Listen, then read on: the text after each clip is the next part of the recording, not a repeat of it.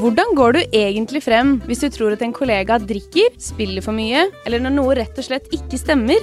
I denne podkasten tar vi opp temaer som av mange oppleves utfordrende å snakke om, og hvordan du går frem for å gjøre noe med det. Dagens gjest jobba i mange år med å fange kriminelle. Plutselig så sto han på andre siden av loven, rusproblemene vokste, og han sto uten jobb. Hvordan bør en arbeidsplass møte en person med avhengighetsproblemer? Og spesielt for uh, type autorisasjonsyrker som politi og sykepleier, hvor konsekvensen er enorm hvis man sier at man har et rusproblem? Det er noe av det vi skal snakke om i denne episoden her. Dagens gjester er uh, Ronny René Ravén, tidligere politimann, og i dag så lever du av å holde foredrag om livet ditt, kort fortalt. Velkommen. Takk og Camilla Line Bakking, fag- og kommunikasjonsleder i Akan kompetansesenter. Velkommen. Eh, Ronny, hvem er du? I dag? Ja. I dag er jeg eh, 52 år. Det har noe betydning. Og så er jeg eh, samboer med min kommende kone. Og så er jeg eh, stefar. En god stefar, ifølge barna. Jeg er også en veldig god kjæreste, får jeg beskjed om.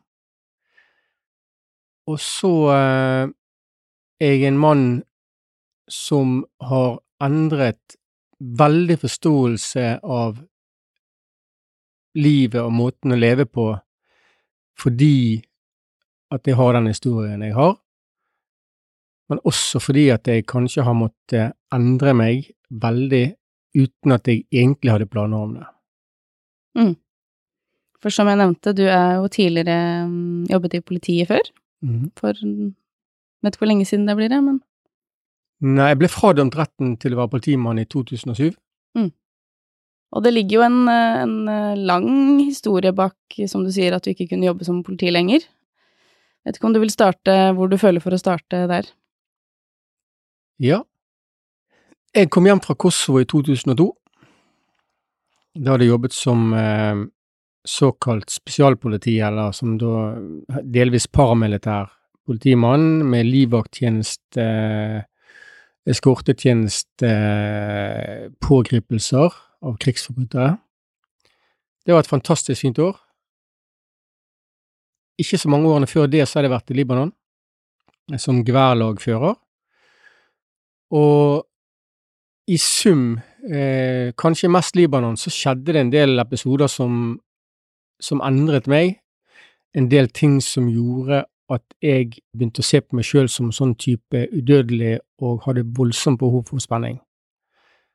Og når jeg kom hjem fra Kosovo, så stoppet jeg opp. Jeg fant ikke mer spenning, jeg fant ikke mer mening, for å si det veldig greit.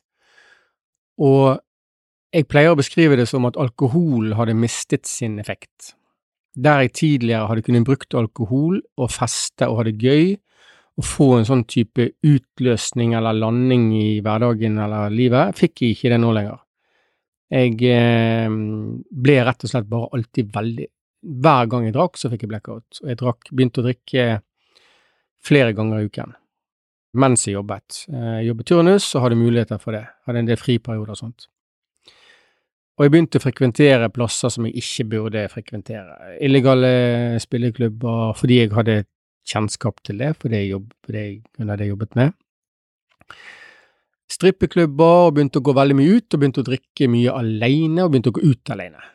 Og syntes det var egentlig gøyest. Men på et tidspunkt så, så, jeg, så skjønte jeg at jeg hadde ingen glede av det lenger. Og da kom veldig fort eh, tanken på og prøve noe annet. Og eh, da var det kokain som ble, som falt inn i mitt hode. Og ikke, det gikk ikke så veldig lang tid før jeg hadde tatt den beslutningen, egentlig. Jeg var, jeg var sammen med jentene kom hjem fra Kosovo, det ble slutt mellom oss etter et år. Og da fikk jeg egentlig veldig god tid. Jeg bodde veldig bra på Frogner, hadde en stor leilighet på Frogner, på beste Frogner, som jeg eide, hadde grei økonomi, og mye tid til disposisjon til meg sjøl når jeg ikke jobbet. Og eh, det gikk ikke så veldig lang tid før jeg hadde tatt det, den tanken eller det, eh, den beslutningen om å prøve kokain, før jeg gjorde det. Og jeg visste hvordan jeg skulle få tak i det, fordi at jeg hadde jobbet på spaning, jeg hadde jobbet på noe som het Uropatruljen, jeg visste hvem som hadde det i Oslo, så jeg hadde en del sånne forutsetninger for å få tak i det. Så jeg, eh, en høstdag, eh, jeg husker hvilken, sånn cirka halvannen uke før cupfinalen, når Brann slo Lyn, jeg husker ikke om det var tre eller fire, så det er en greit å tidsfeste for meg. Så gikk jeg ned på en bar i Vika i Oslo, jeg hadde kledd meg for anledningen. Jeg hadde våknet eh, litt sånn utpå dagen den dagen og fant ut det her gidder jeg ikke, jeg må ha tilbake festen. Det, man, det, det var mantraet, jeg må ha tilbake festen. Og så visste jeg det at med kokain så kan du drikke ganske mye uten å bli full. Og det var sånn egentlig sånn første tanken rundt det Det var det som liksom var min inngang til det, da. Mm. Så fant jeg eh, en gambier på den baren, for det var gambaerne som solgte kokain blant annet den gangen. De og albanere. Men jeg fant en gambar og gikk bort og spurte han, og han hadde. Og han hadde veldig bra kokain, viste det seg. Og så gikk jeg hjem, løp hjem og hakket opp og prøvde, og det var helt fantastisk. Og sånn starta det? Sånn startet det. Mm. Og det ble jo et slags uh, dobbelt liv, skal man si, ikke sant, For både på utsiden og innsiden av loven som politi, og drev med ulovlige ting på, på mm. fritiden. Hvor, hvor, lenge foregikk det? Jeg klarte å holde det der gående, jeg har ikke sånn akkurat månedstallet, men, men eh, mellom halvannet til to år. Uh, og i den perioden så tok jeg en uh, instruktørutdannelse, jeg uh, holdt mye kurs, jeg var instruktør i politioperative disipliner og skyting, og jeg fikk en ledelsesansvar ved Noka-saken i Stavanger, rettssaken som var der etter Nokas-ranet. En av de som hadde ansvar for ytre sikring av fengselet. Ingen ut og ingen inn uten at jeg godkjente det. Det gjaldt også politifolk. Så jeg fikk førstebetjentstilling der. Egentlig helt fantastisk. Ung. Men eh, det kokainet, det eh, jeg var så Jeg ble så fort hekta. Ikke på selve stoffet, men på det som tilgangen det ga på fest og gøy. Jeg kom veldig fort inn i et eh, partymiljø i Oslo, med masse folk som man ser i blader og på film og sånn. Fikk tilgang uh, Det er helt vanskelig å si, men jeg, jeg må bare Det er sånn flaut for jeg fikk tilgang på masse jenter, mm. som var veldig attraktivt for meg den gangen. Og jeg begynte å feste veldig ofte. Og for meg var det sånn at nesten med en gang så kunne ikke jeg feste uten kokain. Og hvor ofte festa du? Ofte. Mm. Så ofte jeg kunne. Og da begynte festen å vare lengre. Sånn at når jeg hadde da igjen turnus, hadde fri fem dager, så varte festen ofte i fem dager. Og da blir du sliten når du skal på jobb etterpå. Ja, for klarte du å holde på en slags fasade på jobb og Eller tror du at det var noe folk merket, kolleger merket, eller har du noe det, og det spørsmålet har jeg også fått når jeg holdt foredrag for politiet, og jeg vet ikke. Men jeg fikk ingen Jeg ble ikke konfrontert med det. Det var én kollega som spurt, som bemerket at jeg hadde gått veldig ned i vekt. Men jeg var jo også veldig godt trent på den perioden. Uh, eller så i hvert fall veldig bra trent ut. Det er noen som har sagt til meg i etterkant at de lurte på om jeg brukte anabole steroider for jeg var så godt trent på kursene. Men det var ikke det. Det var ingenting sånt. Jeg gikk ned i vekt på grunn av jeg spiste mindre og var mye våken. Fordi at jeg festet mye og brukte kokain ganske mye. Sånn at jeg begynte da fort å kjøpe ikke ett gram, men fem etter hvert ti. 20 gram, fordi at andre hadde ikke tilgangen på dette som jeg hadde, og det var jævla kjedelig å gjøre det bare alene. Så jeg brukte jo da mine penger til å kjøpe fest for andre òg, sånn at de kunne feste med meg. Mm. Hvor alvorlig vil du si at uh, rusproblemene dine var på det tidspunktet? Så først og fremst så hadde jo det hatt konsekvenser for meg, og ikke så veldig mye for det som jeg eide, eller det utenfor meg. Jeg hadde brukt mye penger på det, men jeg um, hadde fortsatt uh, hus. Jeg sa jo, når jeg var ferdig første gangen i Nokas, så sa jeg opp stillingen min i Oslo, og eh, i påvente av å søke en annen jobb. Det var planen. Og jeg solgte leiligheten min på Frogner og kjøpte hus i Bergen og en liten leilighet i Vika, som ingen andre visste om. Sånn at eh, jeg hadde masse forutsetninger for å kunne ha klart meg. Sånn at de aller største konsekvensene kom jo når jeg da mistet jobben og ble tatt for dette. Um, da var jo Da gikk det ikke veldig lang tid før jeg ikke hadde noen ting av det heller. Mm. Ja, for ta oss tilbake til da det ja, vendepunktet, i hvert fall for karrieren din. Ja. Da hadde jeg flyttet til Bergen. Noen uh, uker før uh, dette, jeg, dette var i februar-mars uh, i Bergen. Og da hadde jeg fri, jeg hadde avspasering, jeg hadde fått utbetalt en sinnssyk lønn i desember, så jeg hadde grei økonomi. Og ventet egentlig på å finne noe annet, søkte noen andre stillinger og sånn. Ble høyt innstilt, ble innstilt nummer to på en eh, ganske stor stilling i Bergen, blant annet. Og så begynte jeg, så flyttet jeg fra Oslo til Bergen for å slutte med kokain.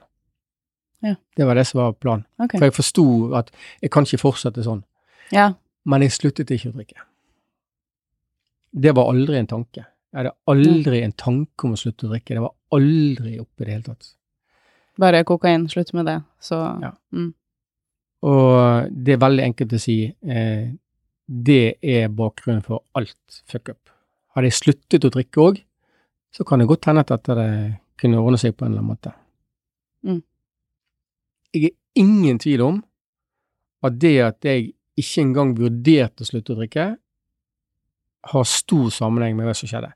Når det er sagt, så hadde jeg en veldig fin intro når jeg fortalte om hvem jeg var i dag. Det er jeg ufattelig glad og fornøyd med å ha blitt og er. Det er ikke sikkert at jeg hadde fått den, den veien hvis jeg ikke hadde hatt den veien som jeg har. Så, så det er litt sånn tosidig dette. Det var en, på ene måten å snakke om hva som faktisk har skjedd, og, og hvorfor, hva det har gjort med meg. Fordi at det også Det har endt så bra, da, Mm. faktisk. Ja. Så, så, så det er bare sånn Bare spille inn det at det er sånn Selv om det går til helvete, så trenger ikke du å bli der. Det kan gå bra. Mm. Bare spille inn det. Jeg vet ikke om vi kommer inn på det, men vi får nå se. Jo, det, det er jo veldig viktig å få sagt òg, at eh, du har det jo veldig bra i dag. Så skal jeg svare på spørsmålet ditt. Ja. Og eh, jeg havnet i en situasjon i Bergen, eh, stupfull, ble målt til 2,37 i promille. Og av en eller annen grunn så hadde jeg to bitte små foliepakker med amfetamin i lommen min. Jeg hadde aldri brukt amfetamin. Mest sannsynligvis så har jeg vært full, vært på en bar, sett dette av noen, eller spurt om å få kjøpe kokain, altså de kom med det, jeg vet ikke. Jeg vet at jeg havnet i en ganske heftig, eh, vi kan ikke kalle det slåsskamp, for jeg fikk juling av en åtte-ti stykker, eh, husker jeg lå på gaten. Så et eller annet har skjedd, og min reaksjon var stakkars meg, rett ned på Bergen politikammer, der møtte jeg mange av de jeg hadde jobbet med før, når jeg jobbet i Bergen, og jeg møtte mange av de jeg hadde hatt som ansvar for Nokas, og forlangte at de skulle hjelpe meg å finne synderne. Så vi ble endte med å kjøre rundt i Bergen, og, og eh, jeg ble jo fullere og fullere. eh, For promillen slo inn mer og mer, og ble målt etter hvert til 2,37. Og det vet jeg fordi at jeg ble pågrepet. Ikke sant? Jeg ble pågrepet og satt i fyllearresten fordi jeg hadde gått løs på noen eh, skilt eller noe busskur utenfor Bergen politikammer eh, som jeg ikke husker noen ting av. Og da fant de disse foliepakkene i lommen min. Det hadde jeg eh, kommet meg unna, for jeg hadde ingenting i kroppen. Jeg var dønn clean, jeg hadde kun alkohol. Og det hadde jeg vært lenge. Men min, eh, min måte å feire dette på jeg, jeg, vet ikke om det var for å feire, eller om det var for å flykte, eller om det var vondt, eller, men jeg, hadde, jeg, jeg måtte til Oslo og feste. Så jeg dro til Oslo, kjørte til Oslo i min bil. Ganske ny Lexus RX 300. Flott bil. Tok inn på leiligheten i Vika som jeg hadde kjøpt, som ingen andre visste om, og begynte å feste alene igjen. Og gikk på et eller annet tidspunkt tom for kokain. Og da har satt meg, for jeg kan ikke huske dette, for det var så mye sovetabletter og andre ting i blodet samtidig, og har på et eller annet tidspunkt satt meg i bilen og fått tak i dealeren min.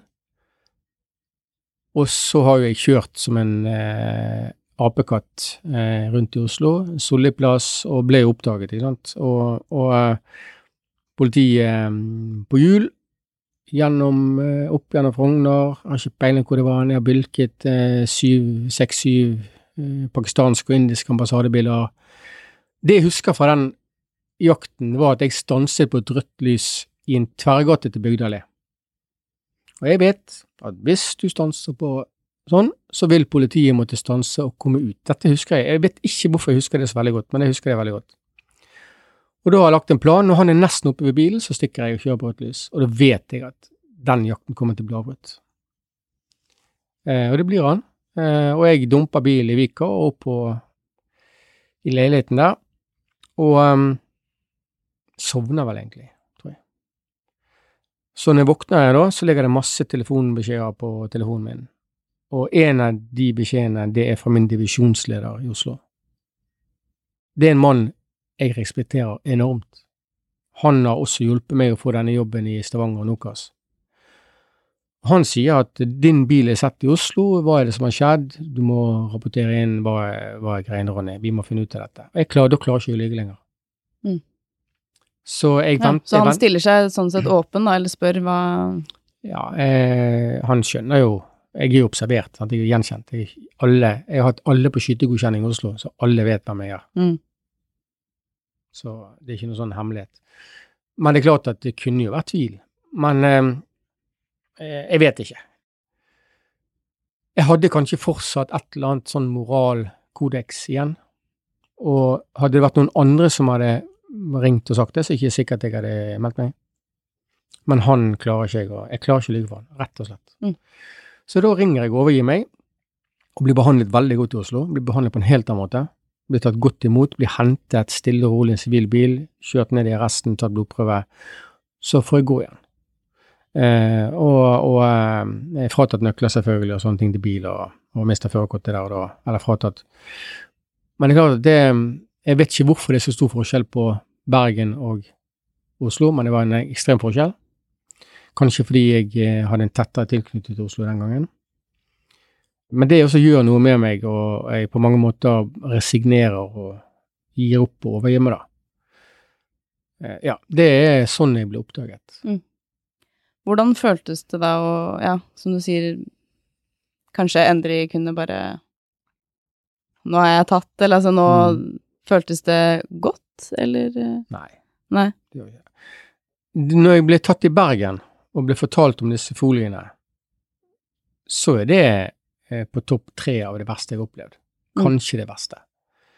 Det var som at noen tok vekk et teppe, og jeg bare falt. Fordi at jeg visste hva jeg hadde gjort, men jeg visste ikke hva de visste. Mm. Men i Oslo så var det egentlig helt annerledes. Da gikk det rolig for seg. Jeg, jeg, det eneste jeg tenkte på, var nå kan jeg gjøre dette enda mer. Ja. Nå kan jeg eh, bli fulltidsfester og kanskje leve av det. Mm. Bli kriminell og selge kokain. Ja, det var tanken din, da. Ja. Mm. Og det gjorde jeg jo. Ja. Ja, for hva Årene etter det igjen, da hva, hva brakte de med seg? Eh, det første halve året før jeg, før jeg fikk en dom, da, så um, så var det både veldig bra og depressivt. Jeg begynte på Handelshøyskolen i Bergen. Jeg har gode karakterer fra Jeg kom inn på Handelshøyskolen i Bergen. Begynte der, men samtidig så begynte jeg å Altså, jeg fortsatte det samme livet. Nå hadde jeg tilgang på kokain i Bergen fordi at jeg hentet sjøl. Eh, etter hvert så fikk jeg levert, og etter hvert så satte jeg opp et system der jeg, jeg fikk folk til å hente og levere.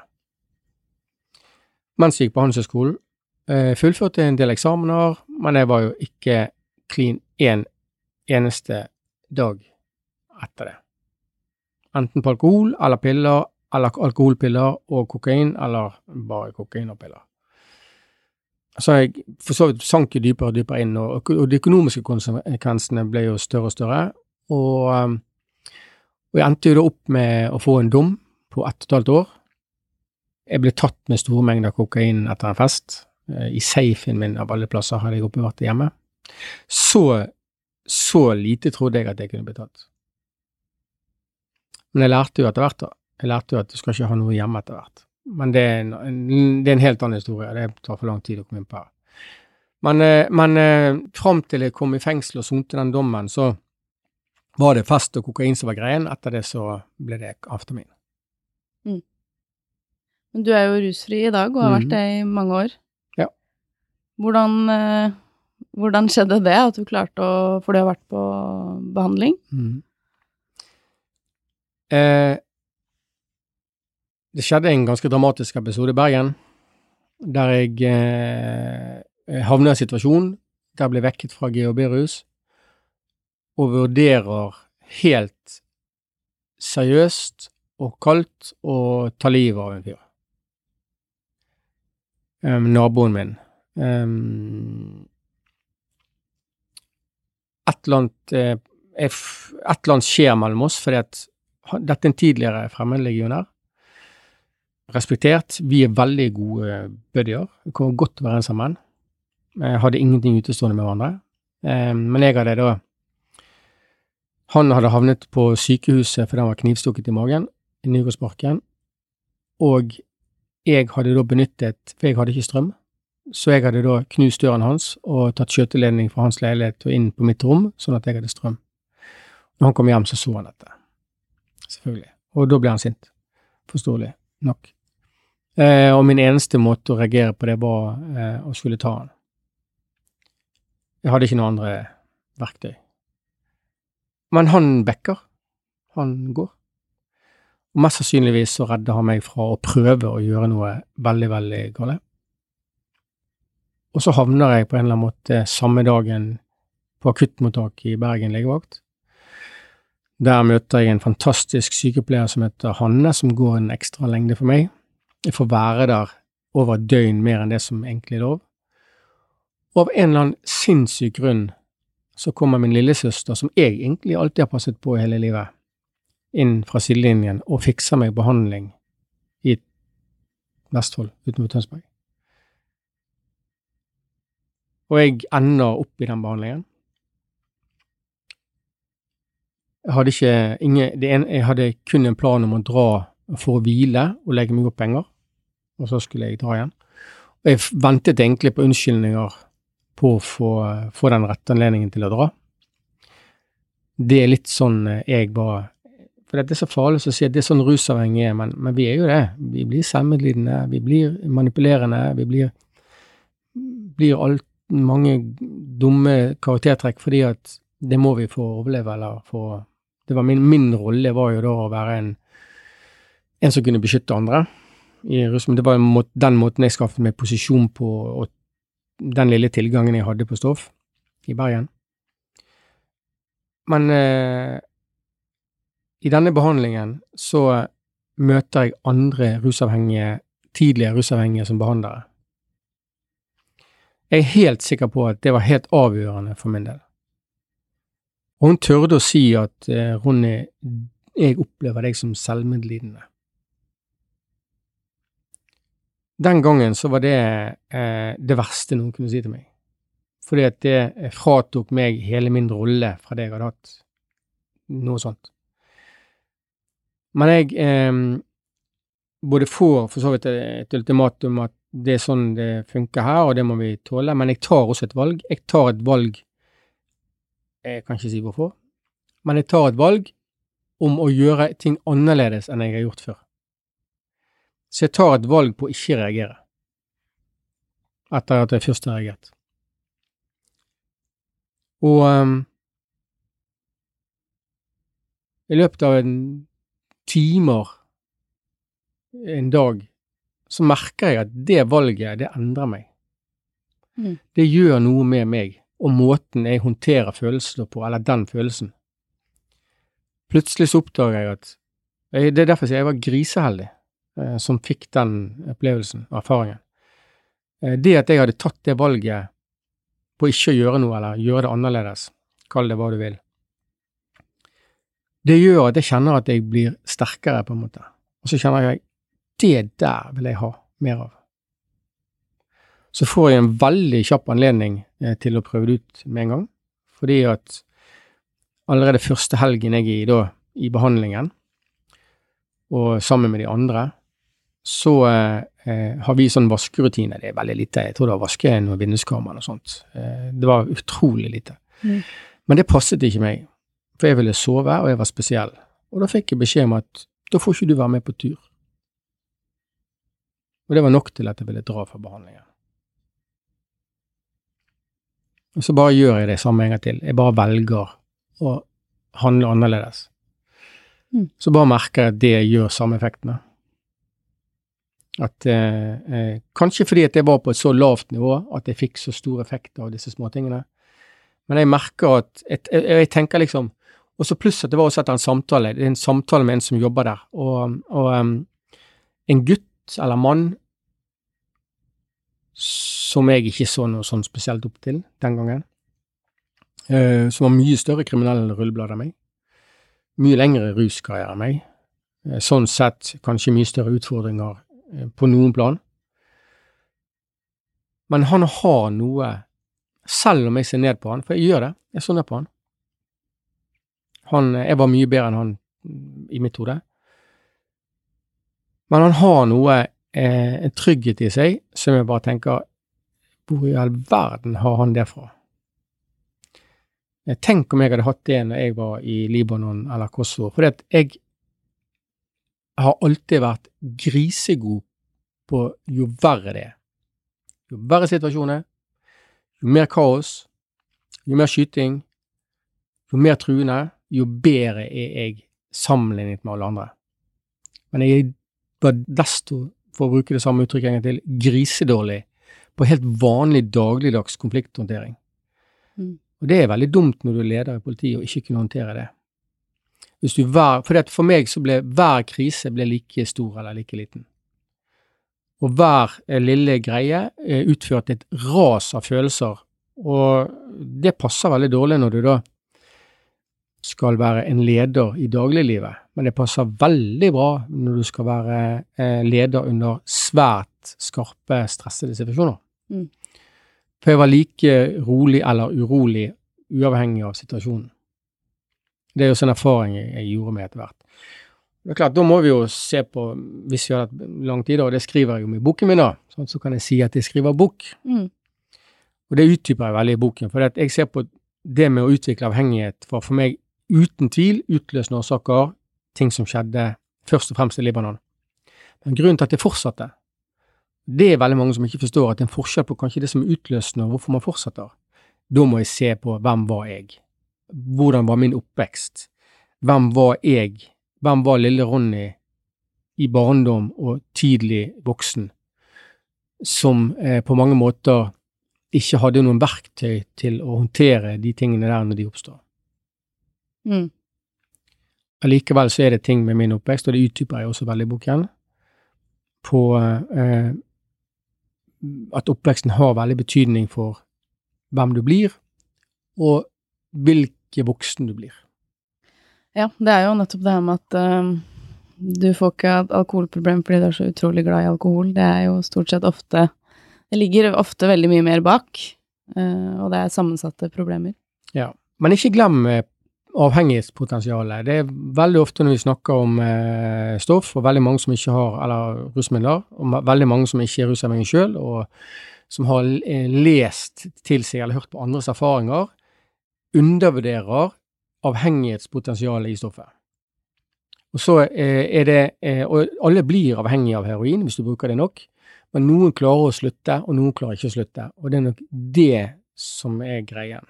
Og da er det ofte min påstand. Hvem har du rundt deg? Hva har du rundt deg? Hvilke ressurser har du i deg? Og, og, og hva er motivasjonen din og villigheten din for å slutte? Mm. Og det dreier seg veldig mye om hvem du har rundt deg. Uten tvil. Mm. Og der øh, er jo liksom Vi tenker jo at arbeidsplassen kan være et sted hvor man Hvor det er en mulighet til å få hjelp på et eller annet slags vis. Men det krever jo en enorm eh, Ja, alt fra tillit til leder til eh, en åpenhetskultur til å tørre å fortelle om at man har et problem. Mm. Jeg tenker det du sier uh, i forhold til hvem, hvem har du rundt deg, uh, og det er som du sier, Julie, at vi tenker jo at arbeidsplassen og relasjonene på arbeidsplassen og jobben i seg selv kan være en uh, veldig god støtte og motivasjon i en behandlingssituasjon, eller i en rehabiliteringsfase. Um, så det å kunne ha tilknytning til jobb, det å kunne faktisk kanskje også for noen være på jobb, selv om man går i behandling og tar imot behandling. Veldig mange som sier at det var det som hjalp meg.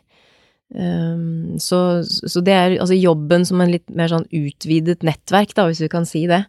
Ikke bare nærme relasjoner og familie og, og venner, men også betydningen av å ha eh, jobben rundt seg i den fasen er avgjørende for veldig mange. Og det samme i forhold til hvordan å gi folk muligheter, da. At eh, det er klart, på arbeidsplassen så kan ikke vi forandre eller endre våre kolleger eller behandle dem, men vi kan være med på å skape muligheter sånn at folk kommer inn i behandling og får den støtten og hjelpen som de, de trenger. Mm. Så sånn sett så har vi ja, det er noen som kaller jobben eller arbeidsplassen som en sånn eh, kobehandler, um, i tillegg til behandlingsapparatet, uten at ledere eller kolleger skal være de som behandler, men det er nettopp den støtten, det å bli sett, det å bli fulgt opp, det å fortsatt kunne gjøre det du er god på. Eh, det er mye identitet knyttet til jobb og arbeidsplass, ikke sant. Nå, nå var jo du i en litt annen situasjon som nettopp mistet den muligheten, da. Og det er jo det vi opplever som er utfordrende i noen, eller for noen yrkesgrupper, der hvor det er enten sikkerhetsklareringer, helseattester, autorisasjoner forbundet med å kunne utføre jobben din, at kanskje terskelen for å både gi den muligheten, og terskelen for å da bli den støtten eh, og nettverket rundt den personen faller helt. Så hvordan kan vi klare å få til det arbeidet hos disse yrkesgruppene, er jo ganske interessant, fordi jeg syns jo for det første du beskriver det veldig, veldig godt, eh, og sterkt. Og så opplever vi også i Akan kompetansesenter at en del av disse arbeidsplassene, det kan være politi, det kan være sykehus, det kan være i flybransjen, holdt jeg på å si, transport, at dette blir ekstra utfordrende. Både for arbeidsgiver, men ikke minst også for den ansatte og kollegene. Ronny, var det noen gang, eller tenkte du noen gang tanken da du var i jobb, å fortelle hvordan du hadde det? Nei, det var helt uaktuelt.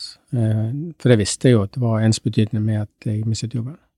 Ja. Mm. Men eh, nå var ikke det det eh, Jeg ble jo ganske lei den jobben etter hvert, så om i hvilken grad det har hatt betydning eller ikke, men det var vel mer det å også heller ikke bli tatt. Men, men jeg syns det er veldig interessant, altså det du støtter fullt det du sier. Um, så har jeg bare lyst til sånn, sånn Jeg liker å se litt annerledes på ting ofte. Ikke fordi at jeg liker å se annerledes på ting, men fordi kanskje det er en gave man får som avhengig sjøl å kunne se ting fra en litt annen side. og det, For det, det, dreier seg om tillit. Og, og, det er jo sånn at, da blir det sånn at ja, fordi at du har brutt den tilliten én gang, så kan ikke du få den tilliten igjen. Fordi at, og i det så ligger jo det at ja, vi tror at du kan bryte det igjen. Noen av de aller sterkeste moralske og etiske menneskene jeg har blitt kjent med i livet mitt, det er folk som har bygget seg opp igjen nettopp fra å ha eh, mistet tillit man har fått den tilbake fordi at de har gjort en sinnssyke jobb med seg sjøl. Mm. Så det er et veldig sånn, eh, sånn paradoks at kanskje de som er mest tillitsverdige, egentlig, ikke får den tilliten igjen. Mm. Og der syns jeg du er inne på litt sånn nøkkelen her, eh, omtrent, for det handler så mye om hva slags holdninger har vi til mennesker som bruker rusmidler i dag? Eh, hvordan omtaler vi det? Har vi tro på at folk kan forandre seg? Og viser vi dem den tilliten, ikke sant, som er Vi er jo helt avhengige av det alle sammen. Det er jo forferdelig å ikke bli møtt med tillit. Mm. Eh, og det igjen handler mye om trygghet til å kunne fortelle, trygghet til å åpne seg, videre. Men jeg tror kanskje vi har en vei å gå i forhold til holdninger overfor mennesker som velger, eller tar andre valg, da, enn oss selv, um, som blant annet handler om å bruke rusmidler. Fordommer til mennesker som bruker rusmidler. Og at det har betydning for hvordan vi møter de menneskene og følger dem opp også på arbeidsplassen, er jeg helt sikker på er ganske avgjørende. Så er det vanskelig, fordi at eh, vi har så mange eksempler på at ting ikke går bra. Ikke sant? Og, og, veldig ofte så dreier det seg om ikke Men, jeg, men jeg, det er blitt vanskelig for meg å snakke sånn generelt, men jeg, jeg, kan snakke for de som har gjort den jobben, som er villige til å gjøre den jobben. da. Mm. Um, så er jo jeg ekstrem. Uh, jeg, jeg, har jo valgt en total avholdsfri livsstil. Jeg er totalavholdsmann og har vært det eh, siden dag én i behandling. Og så er det jo eh, veldig få som er det. Mm. De færreste er jo det. Mm. Og så skal jeg til og med innrømme at jeg også er litt skeptisk og har problemer med å stole på alle andre som ikke har klart å tatt det valget som jeg har gjort. Mm. Så jeg har forståelse for at det kan være vanskelig. Mm. Eh, og så er det kanskje noe i den utfordringen der at kanskje løsningen ligger også. Men jeg, det du sa med tillit, det var jo det som Altså, ingen eh, Når jeg kom til Larvik, med ingenting, og fikk spørsmålet fra fastlegen min Dette er en sann historie. Hvordan kunne det gå sånn med deg, du som var politimann og alt? Ja. Mm. Eh, så tenker jeg oi. Hva tenkte du da, når du fikk det? Altså, det, greiene er at dagen før, da, så hadde jeg ringt til en venn, og for jeg bare var livredd for å få det spørsmålet. fordi at jeg hadde fått det av andre, og så får jeg det spørsmålet. Og det er klart at for det første så viser jo det en total mangel på forståelse, innsikt og tillit. Så kan det på mange måter være forståelig, men samtidig så Hvilken sjanse har et menneske uten tillit? Hvem Hvilke normale mennesker kan skape noe i seg sjøl, eller bli en god utgave av seg sjøl, hvis de ikke blir møtt med tillit. Og i hvert fall hvis de fortjener det. Det syns jeg alle kan spørre seg sjøl. Hvordan ville jeg reagert på det? Jeg bruker det eksempelet fordi det er et godt eksempel på Men jeg valgte jo, i min perverse måte å forstå livet på, eh, det der skal jeg Jeg skal Min første skytelse ble at eh, her er det rom for voksenopplæring.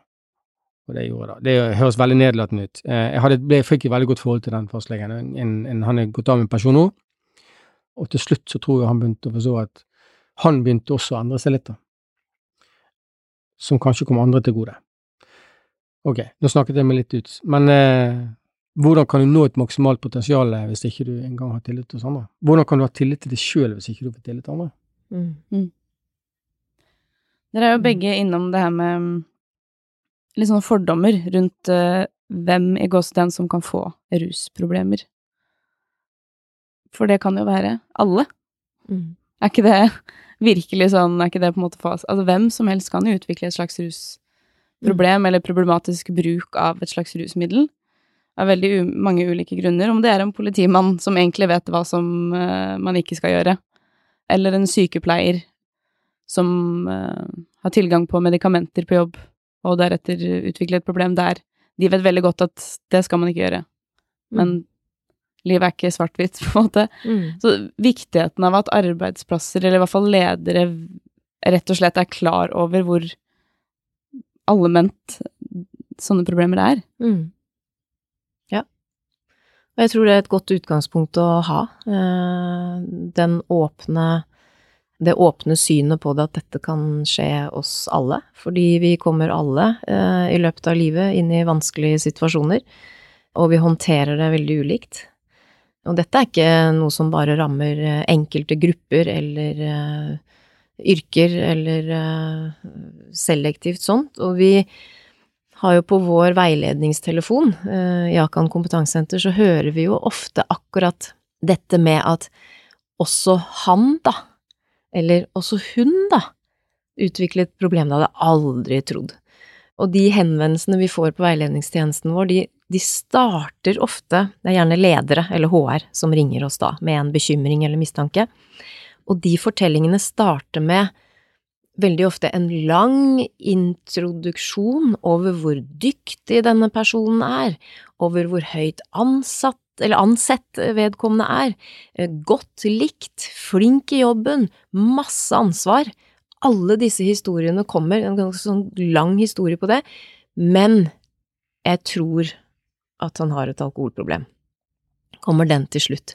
Så det er akkurat som den som ringer inn har et voldsomt behov for å på en måte forklare dette rundt den personen.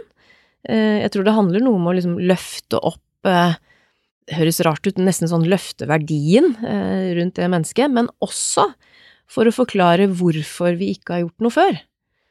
For når den, når den fortellingen kommer, at jeg mistenker at jeg har et alkoholproblem eller narkotikaproblem eller spillproblem, eh, så har jo gjerne dette pågått i lang tid, ikke sant? Det, blitt, det har skjedd noe helt ekstremt som gjør at de kanskje ringer inn. Burde ha gjort det for lenge siden, burde ha reagert for en stund siden. Men nettopp det å liksom skjule seg bak at jeg trodde ikke det kunne skje med akkurat han eller henne. Eller det at alle liker eh, henne så godt, mm. eller det er så viktig for denne arbeidsplassen. Tross alt ingen som drar inn flere kontrakter enn akkurat han, ikke sant. Det blir brukt som en sånn unnskyldning, da. Mm. Fordi, du, fordi, du, er flink i jobben din, eller fordi du er en godt ja. person, så ja. kunne man ikke du... tenke seg til at vedkommende hadde et uh, rusproblem, eller Nei, da kan du liksom ikke utvikle et problem. Eller enda verre, tenker jeg, da. Å ja, så da fortjener ikke de å få en samtale eller en tilnærming som faktisk tilbyr dem hjelp, da. Da trenger de kanskje ikke hjelp. Altså, det, og det også sier noe om, igjen, disse holdningene som vi har mm. Eh, rundt det å utvikle problematisk bruk, eller en avhengighet. Jeg tror det er veldig dumt og Ganske ikke bare dumt, men rett og slett idiotisk å ikke se på avhengighet som en biopsykososial lidelse. Det vil si at det er mange faktorer som kan spille inn. Mm. Og noen ganger så er det sånn at den ene faktoren spiller Noen ganger så spiller biologien mer inn, det biologiske. Noen ganger er det sosiale, og noen ganger er det psykiske. Altså, det vil variere i hvilken grad. Og hvis vi bare hadde klart å forstå det, og, og, og, og fullt tatt inn over oss hva det faktisk betyr, så ville vi forstå at eh, uavhengig av hvem vi er, uavhengig av hvilken oppvekst vi har, uavhengig av eh, hvilken jobb vi har, så vil alle kunne utvikle avhengighet hvis man er uheldig på et mm. tidspunkt. Mm. Og så er det klart, klart, at noen vil være mer utsatt enn andre. Det er jo ikke noe å legge til mm. på, og sosiale kan ha mye å si. Mm. Men, eh, men eh, hvis det er noe jeg har lært etter å ha jobbet nå i dette feltet i syv år, og jeg har jobbet et par år med andre ting, så er det at jeg skal aldri prøve å fullt ut forstå og gi én forklaring på dette, for mm. det finnes det ikke. Nei.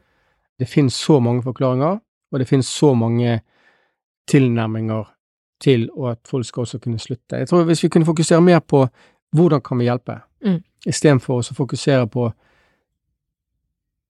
hvordan kunne det gå sånn. Mm. Mm. Ja. Det blir mye enklere òg, fordi at jeg tror at løsningen er mye mer lik enn inngangen mm. til problemet. Veldig, veldig godt poeng, egentlig. Mm. Vi har jo en um, Vi kan ha en rapport som heter Du av alle, ja. hvor uh, sykepleiere som har stjålet medikamenter fra jobb, uh, er intervjua. Mm. Altså, de har på en måte da blitt uh, tatt for det her.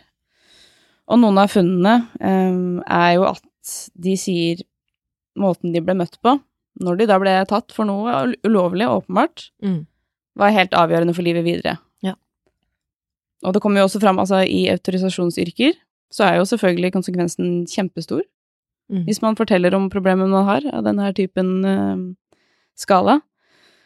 Hvordan kan en arbeidsplass, um, eller hvordan bør en arbeidsplass møte mennesker som er i sånne her type yrker, hvor man skal være helt um, rusfri på jobb? Um, hva, hva rådgir vi der, for eksempel, Camilla? Mm. Det er jo, også er jo som du sier, Ronny, du kunne aldri fortalt det fordi du visste at da ville du få sparken. Hva, hvor, hvordan skal sånne type arbeidsplasser forholde seg til det her? Ja, det er jo et godt spørsmål, og det er klart at akkurat de yrkesgruppene som vi har snakket om nå, eller som du skisserer nå, er jo ekstra spesielle, da, på grunn av disse autorisasjonene.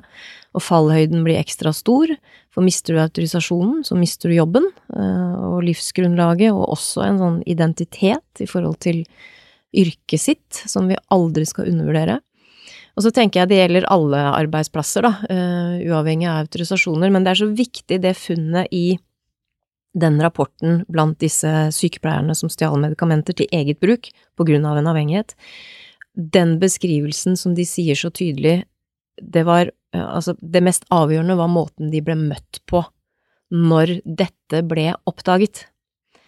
Om de ble da møtt på som en person som trenger hjelp, og som har stjålet medikamenter fordi eh, de, de, gjorde det for å mestre jobben sin, for å mestre livet sitt, kontra det å bli møtt som jaså, det er du som er tyven. Det er, sto, det er stor forskjell på de eh, fremgangsmåtene der, og det tenker jeg er avgjørende i alle sånne relasjonelle møter mellom en leder og en ansatt, og det trenger ikke handle om at de har stjålet eller gjort noe straffbart eller noe, uh, noe ulovlig, men det er jo noe med å bli møtt i en situasjon hvor du kanskje er i ferd med å bli avslørt for det du skammer deg aller mest over, for jeg tror det er mye skam eh, forbundet med det å utvikle en avhengighet eller et, eh, et rusmiddelproblem. Og da å bli sett som det hele mennesket du er, og bli møtt på en måte hvor du forstår at her er det trygt å åpne seg, og at poenget er at jeg får tilbud om hjelp. Det er noe helt annet enn å bli møtt med en holdning om at uh, nå må du ta deg sammen, nå må du skjerpe deg, ellers er du i ferd med å miste jobben. Og det kan godt hende at i noen situasjoner så er det dessverre, dessverre det som er utfallet. Sånn er det. Men det er jo også et funn i den rapporten, det er jo ingen av de sykepleierne som var uenig i at det de hadde gjort var galt. Eh, de var til og med enig i at de måtte miste autorisasjonen sin og eventuelt politianmeldelse også. Men fra det, da, til å fortsatt kunne leve med en respekt for seg selv, de valgene som ble tatt, og kunne leve et fullverdig liv etterpå uten å ha det stempelet på seg, som at man var kriminell, da var det nettopp det måten man ble møtt på. Eh, og hvis man vil eh, høre litt mer om akkurat dette, så har vi jo en eh, episode, Julie, som heter Når to pluss to blir 30 Um, hvor vi har med en sykepleier som forteller om uh, sin historie, og vi går nærmere inn på akkurat dette. Mm. Så tilbake til spørsmålet ditt, Julie. Hvordan kan arbeidsplasser jobbe da? Jo, det handler mye om hva slags kultur har vi for å kunne si ifra, eller for å kunne ivareta hverandre i vanskelige situasjoner? Hva kan vi snakke om på arbeidsplassen vår. Det tror jeg er grunnleggende for at man skal tørre å si ifra eller åpne seg opp. Og ikke minst gjøre ledere med personalansvar trygge på å ta sånne type samtaler.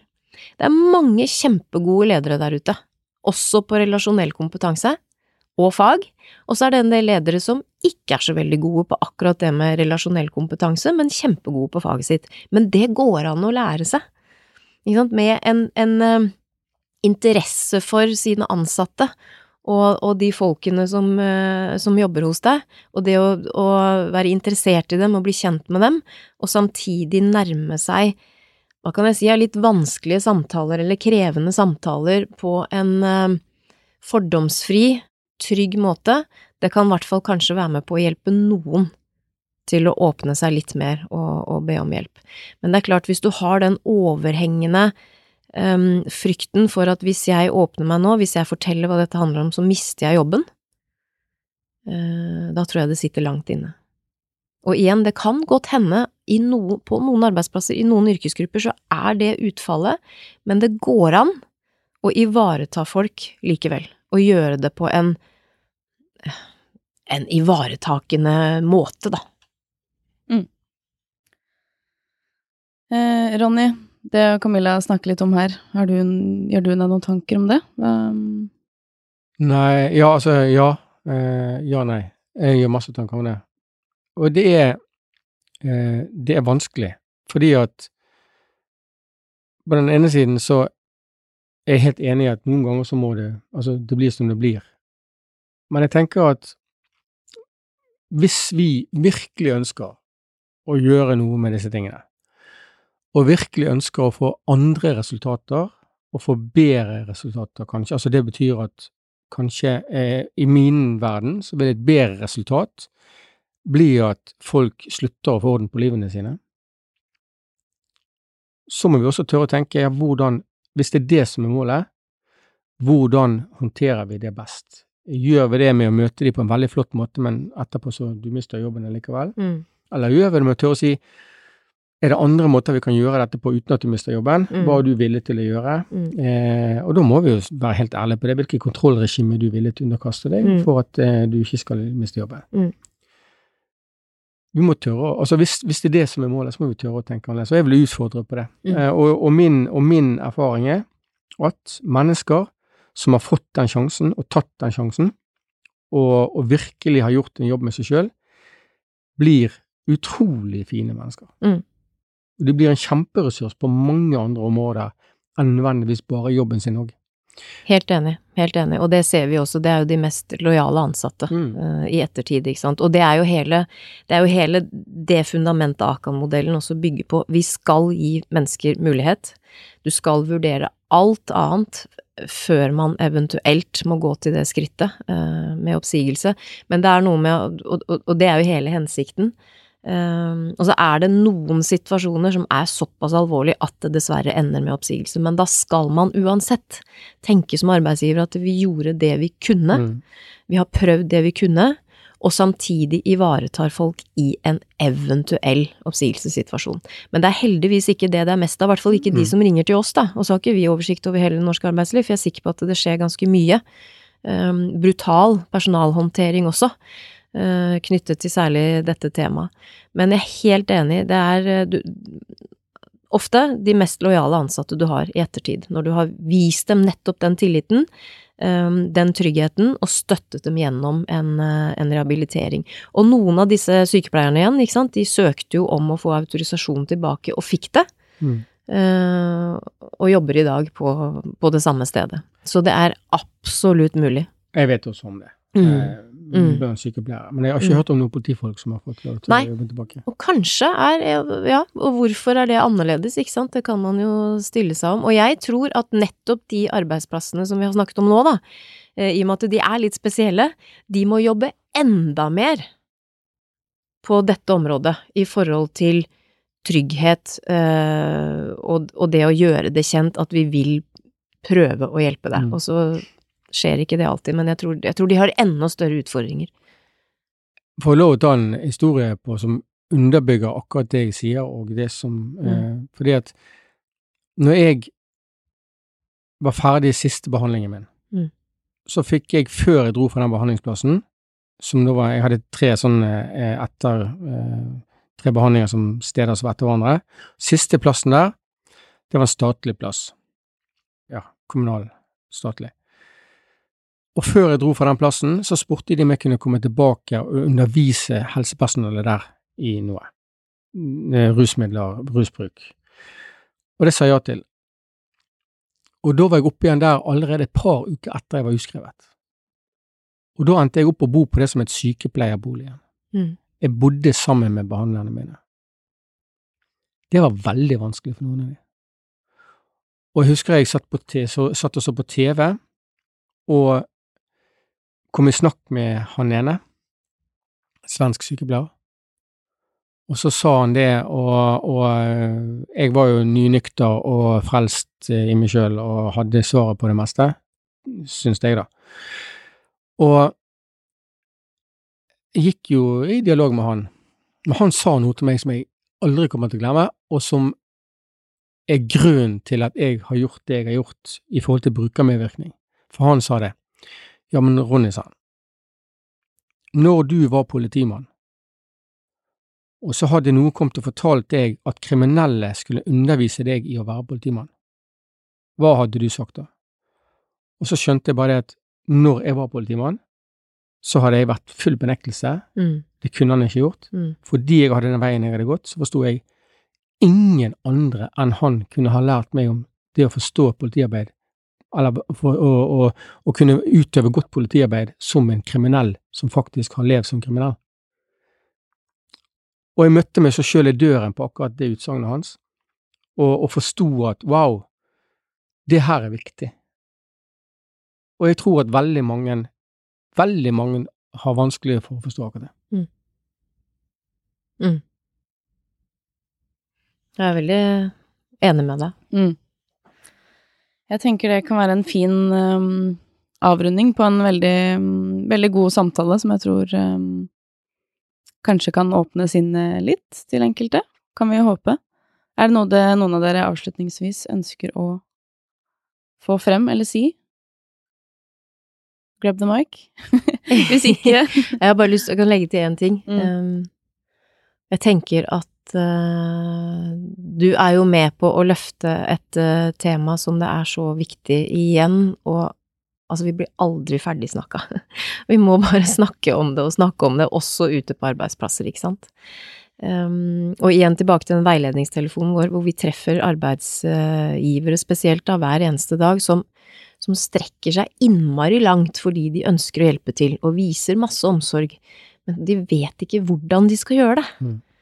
Uh, og så blir vi litt uh, Ja, hvis vi ikke snakker om det, da, hvis vi ikke hever kompetansen på det, så, så går tiden, og man utsetter samtaler, og man tror at man gjør det beste ved å på en måte ikke ta samtaler, eller kanskje til og med ikke stille krav eller forventninger, eller, eller snakke med folk om det.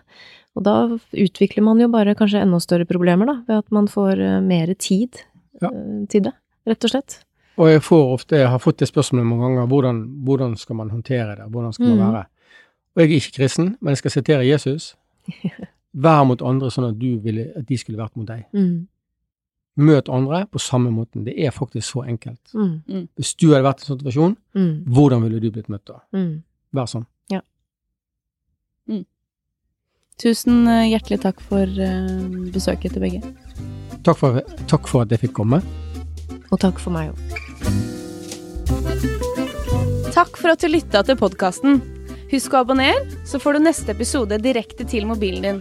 Ønsker du mer informasjon om hva du kan gjøre, gå inn på akan.no. Er du bekymra? Ta praten.